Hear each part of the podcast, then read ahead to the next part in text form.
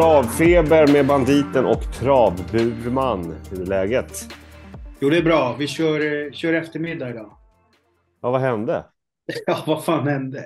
Ja, du hade planerat väldigt dåligt, så från början hade vi inte tänkt köra, men vi tänkte att vi kör, eftersom det var sån upprorstorm på X över att vi inte levererar ett nytt avsnitt, så tänker vi, ja, vi kör väl ett ändå då, för, att, för att stilla massorna.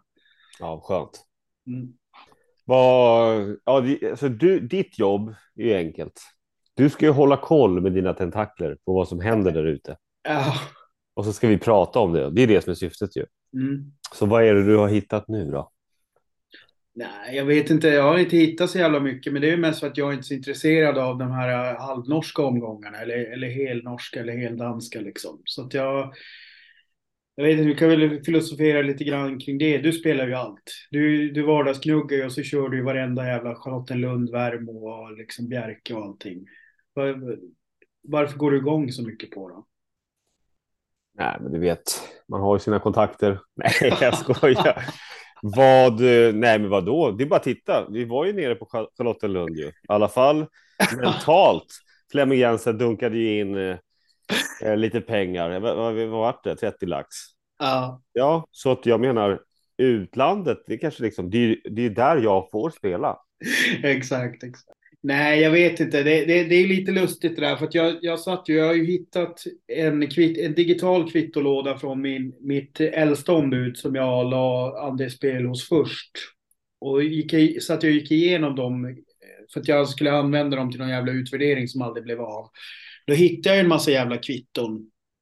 Och då, då visade det sig faktiskt att jag faktiskt satte en jävla massa inte en jävla massa, men att jag hade ganska bra resultat på, på de här saxade Norgeomgångarna och liksom lite sånt där. Så det kanske är lite väl onödigt att stå över helt och hållet. Jag hade ju även den där jävla V75 för 120 spänn eh, som jag inte spelade naturligtvis, vilket ju var riktigt korkat eh, som ju satte. Så att det, det var väl typ 4 500 som man bara gav upp. Eh, så att det, det kanske är lite, men, men jag, jag, tycker alltid att det är problematiskt utöver det att man inte har koll på kuskarna riktigt och tränarna. Jag, jag tycker att det, det, är tillräckligt med att hålla koll på, på hur de svenska kuskarna och tränarna uttalar sig. Och så sen är det här med att spåren och banorna är annorlunda. Så att jag har väl egentligen gjort någon slags mental grej för mig själv att jag är så jävla engagerad i travet som det är. Så att när, när det blir de här utländska omgångarna så väljer jag oftast att stå över av den anledningen. Bara för att få någon jävla paus i veckan. Mm. Skönt. Skönt med paus. Men ja. du, du är lite neggig kring Bjerke ikväll också för att det är få hästar och. Ja, alltså det underlättar ju inte. Det, det får man ju säga. Alltså det är två lopp där som är, eh, jag tror det var sex, åtta hästar. Sen kan det ha blivit säkert strykningar också. Så det, det är ju, det, det, underlättar ju inte för att det ska bli en vettig utdelning i alla fall. Sen, sen har jag lite dålig koll nu, för nu var det ju länge sedan jag spelade Norge regelbundet. Men är det inte väldigt ofta favoritparader där? på slutet. Har det inte varit lite så? Det är väl de mer betrodda som brukar vara där framme, absolut. Ja. Så att eh, ja, nej, det hjälpte inte att få igång den, den här gången. Hade det varit, säg att eh, sex rätt inte hade gått ut förra onsdagen, då kanske jag hade kollat på det. Men, men när det är så få hästar i loppen, då blir man ju inte extra taggad på det. Det blir man ju inte. Nej. Jag har ju två drag i, i Norge. Ja. Det är riktiga jävla skjutare. Så jag säger inte att de kommer kanske kliva rakt ut och vinner, men, men jag har inte samma känsla som jag hade som med Stens Rubin där i, inför V75. Men i första, Frode Hamre har ju Cannabus. Han tror ju det är hans bästa chans i omgången. Mm -hmm. Den hästen. Bricka 7, det är bara åtta hästar. Eh, det är en annan häst som är betrodd också, Olympic Winner. Jag tror att den Ställer man dem mot varandra, lek med tanken att Olympic Winner tar spets, eh, då ska ju Frode Hamre göra jobbet utvändigt, alltså vidare ihop där med Frodes mm. häst. Då har ju Olympic Winner ett övertag egentligen. Så rent positionsmässigt så borde ju eh, femman vara mer spelad än sjuan, kan jag tycka, bara rent procentuellt. Givet att inte vidare ihop då i spetsar från bricka sju, men det tror jag inte. Men skitsamma. Här tror jag i alla fall att det kan bli lite tungt för favoriten. Femman i spets, sjuan i dödens. Så läser mm. jag det. Bakom där så sitter Picasso, nummer ett, Björn Steine. Den där hästen har man ju spelat på tidigare. Jag tror till och med. Nej, det var inte den. Den hette någonting annat Picasso. Jag var inne och läste lite intervjuer om den här Picasso i alla fall. Den här är mm. jättestark den här hästen. 2600 meter. Nu kommer man få en, en resa invändigt. Och det är få hästar. Det kommer bli luckor. Eh, och går den hela vägen så, så, kommer jag titta på om man kan plocka en placering. Tre, fyra eller fem som du tjatar om på Svenska mm. Spel.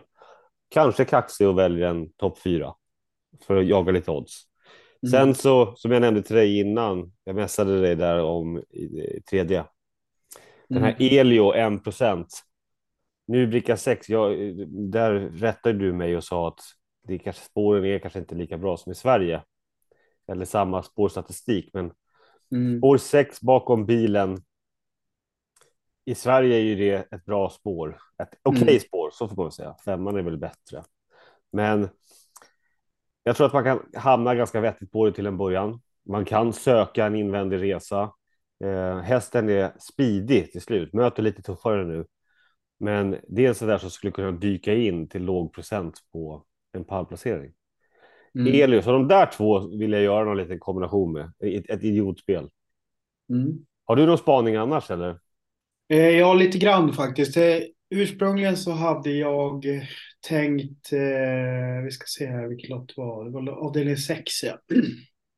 Jag är lite inne på samma spår där. I och med att jag inte lägger något andelsspel så har inte jag superkoll på vad som, är, vad som får ses som bra procent och vinstchans hit och dit. Så att jag har däremot mest slängt en blick på de fasta oddsen på Svenska Spel eftersom de ändå avspeglar lite skarpare odds än vad de gör på ATG. Och då tycker jag att jag hittade topp tre på nummer fem Jerry i eh, avdelning 6 då på Svenska Spel. Det tycker jag är lite högt. Um, sen är det längre distans nu än vad han... Uh, han går ju väldigt bra på kort distans. Så att jag, där kommer jag nog också att kolla vad, vad topp 4 landar på, på honom. Uh, och försöka bygga någon slags dubbel eller trippel. Och då var det en annan som dök upp här och det var att jag var nere i tvättstugan och då gick 8 rätt-podden igång med ehm, eh, Skoglund och eh, Spante där de pratade om skate tricks i avdelning 7 då, som är dagens dubbel 1. Det är ju riktigt kul att dagens dubbel, eh, en dagens dubbelavgång har eh, omgång, eller vad kallar man det? En dagens dubbelavdelning har sex hästar. Det är ju inte direkt bra för spelet, men skitsamma. Mm. I alla fall då så lyfter de fram Skate Tricks där och det är en häst som jag känner till ganska bra. Och eh, där tycker jag väl att, att den är andrahandare bakom den här Kinas Boy. Spante hade en utläggning där om varför han tyckte att Skate Tricks var, var ett bra val. Så där kan jag väl tänka mig. Jag kollade vinnar, vinnarspel på Svenska Spel där. Då stod den i 3,20 just nu. Sen läste du ju upp en intervju för mig innan vi satte igång här. Där, där jag tycker att den mer eller mindre låter klar. För då, då pratar ju Frode om att eh, så länge han inte blir fast och så vidare och läget blir för dåligt. Men jag menar det är ju sex hästar i loppet. Hur fan ska han bli fast eller bli, hur ska han bli bortkörd liksom? Mm. Så att jag tycker det känns ju som ett indirekt klartecken. Typ. Han säger ju att han håller väldigt fin form hästen. Allt är normalt i träningen och han höll på att vinna senast och det var väldigt hårt över mål. Ja. Men att eh, Frode tror att både 4, 5 och 6 är, eller tror, han säger att de är väldigt snabba så att han kommer inte ha någonting med det att göra. Men då blir det väl att, att det kommer ju vara öppet där bakom ju. Ja. Så få. Och så nämner han ju att eh, han kan absolut vinna om det löser sig att han får luckan. Mm. Så Ja, ja det, är väl, det, är väl, det är väl det som skulle kunna vara grejen. Om man hamnar ryggledaren och luckan absolut inte kommer. Men jag menar, hamnar tredje invändigt, då är det väl bara att backa ut och köra. Och samma om man hamnar tredje, andra eller tredje utvändigt, då är det ju liksom då är det läget är ju bara att köra. Så att jag, jag, jag vet inte. Nu, som sagt, jag är inte superinsatt i omgången, men jag tycker det låter som, det låter som att det borde vara en väldigt bra chans. Liksom. Det är inget roligt att, att gardera Kinas boy Nej. med skate tricks. kan man inte göra. Vinnaroddset på skate tricks nu är 2,29 på ATG och 3,48 på Kinas boy. Men det är långt kvar till dess. Ja, jo. Men det är, det är ändå, det är ändå lite indikation. Mm. Ja, skitsamma. Det här är ju ingen tipspodd, för där är vi ändå helt iskalla. Förutom jag då som är duktig på V86. Eller hur? Ja, nej, men du, har, du, du behöver inte skämmas sista veckorna. Du har, fan, du har varit bra på det får man säga. Vad... Vi försöker väl dunka in det här och försöker överleva. Det är ju, det, jag vet ju hur det kommer låta på X som du kallar det. Jag, jag har svårt att ställa om så jag kallar det fortfarande för Twitter. Men Ja, eh, in, kameravinkel på Bjerke. Domarbesluten på Bjerke, omstarterna, du vet, ja det kommer vara mycket sånt. Kör de Ja. inte liksom, är det inte så Volvo V40 de har i, som, som eh, startbil och sånt där också? Det är verkligen, Ja, men också ibland är det dimma också så de- man kan bara gå på den här kameran som är i, i den här bilen som kör på innerspåret. Ja. Också. Fast det är i och för sig kanske en annan norsk bana. Jag ska inte dra alla över en, en kam. Men det ska bli kul, vi ser fram emot det. mm, absolut. Har du någon annan spaning då? Nej, men det var ju lite, det var lite kusk, eh, kuskvev i Gävle igår. Där Oskar Kjellin Blom och en amatör var i ordkrig efter, efter lite styrningar och grejer där. Så travet berör ju. Jag vet inte hur mycket du hängde med då, eller? Nej, jag hängde inte med. Men alltså, Nej, jag hörde jag. någonting om smisk och grejer. Ja, ja alltså den amatören som jag inte minns namnet på hävdar ju då att Kjellin Blom kom efter loppet och skällde ut honom och vevade med spöet mot honom. Alltså typ att han slog honom med spöet. Och det har jag ju svårt att tro. Däremot så det blir ju oftast, det kan ju bli lite het, hetlevrat ibland mellan kuskar eh, efter loppen. Men, jag, men överlag så tycker jag väl ändå att det är bra att, att, att folk visar känslor så länge det inte går överstyr. Det var ju någon grej där när Lars, Lars I. Nilsson och jag slog Ken Ecke på hjälmen. Men det är ju samma sak där. Man, man vill, när man inte har sett det, det låter ju alltid värre när man hör om det bara. Liksom. Så att jag menar, det är väl samma sak där. Det kan vi, han kan väl liksom ha klappat honom eller liksom vara mer så här, eh, ja, varit förbannad. Så att jag vet inte, man, jag tycker man, skulle det vara, skulle det vara liksom någonting på riktigt, då tror jag vi kommer att få se avstängningar därefter också. Så att jag, jag tar hellre känslor än att det är totalt eh, mellanmjölk. Sen som jag fattade så var ju den här amatören gjorde ingen, ingen bra styrning igår.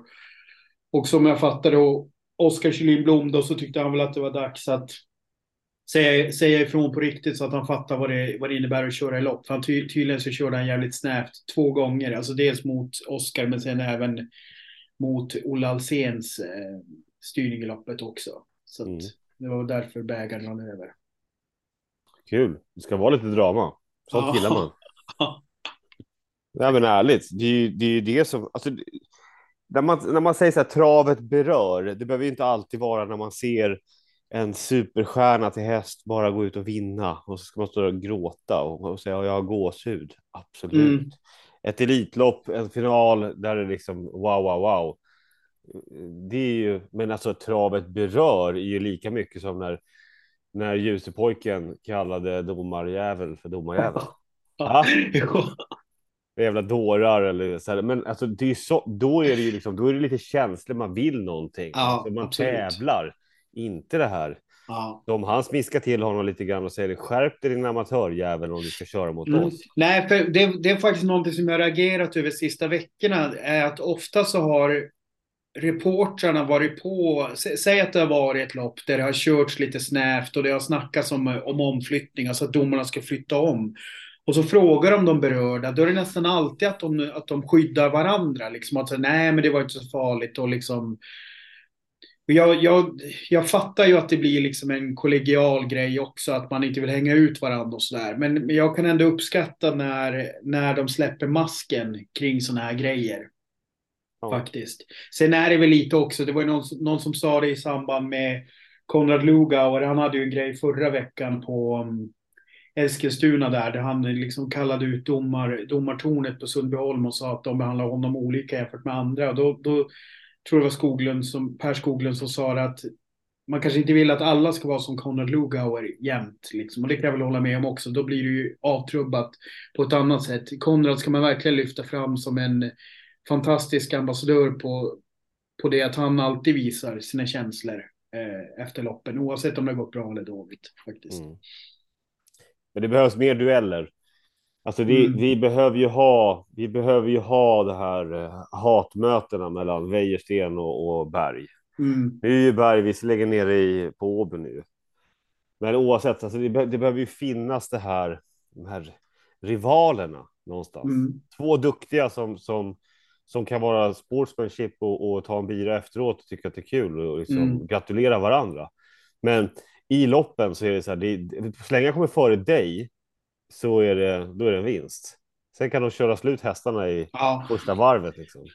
Men jag tycker det var, det, var ju, det var ju väldigt talande. Jag tror det var på V86 förra onsdagen. Då var det ju också en körning mellan Lugauer och Magnus A. Djuse. Där Lugauer gav Djuse en, en, eh, en utskällning på upploppet innan han vann loppet. För då var det ju någonting, han hade kört i galopp med sin häst. Men sen vann han ju ändå och passade på att skälla ut Djuse på upploppet. Och då var ju Fernlund där och frågade båda två om det i efterhand. Men båda tog det med en klackspark på ett sätt som gjorde att jag blev väldigt så här eh, ändå glad. För då, då, då, är det, då har de fattat liksom att bara för att en grej händer på banan så behöver man inte ta med sig det sen. Sen är det klart, det är svårare om det händer allvarligare incidenter. Då kan man verkligen förstå om folk är liksom eh, förbannade även då. Liksom. Men jag tyckte det var en skö, sköna intervjuer efteråt med både, både Magnus och Conny där de liksom tog det på rätt sätt.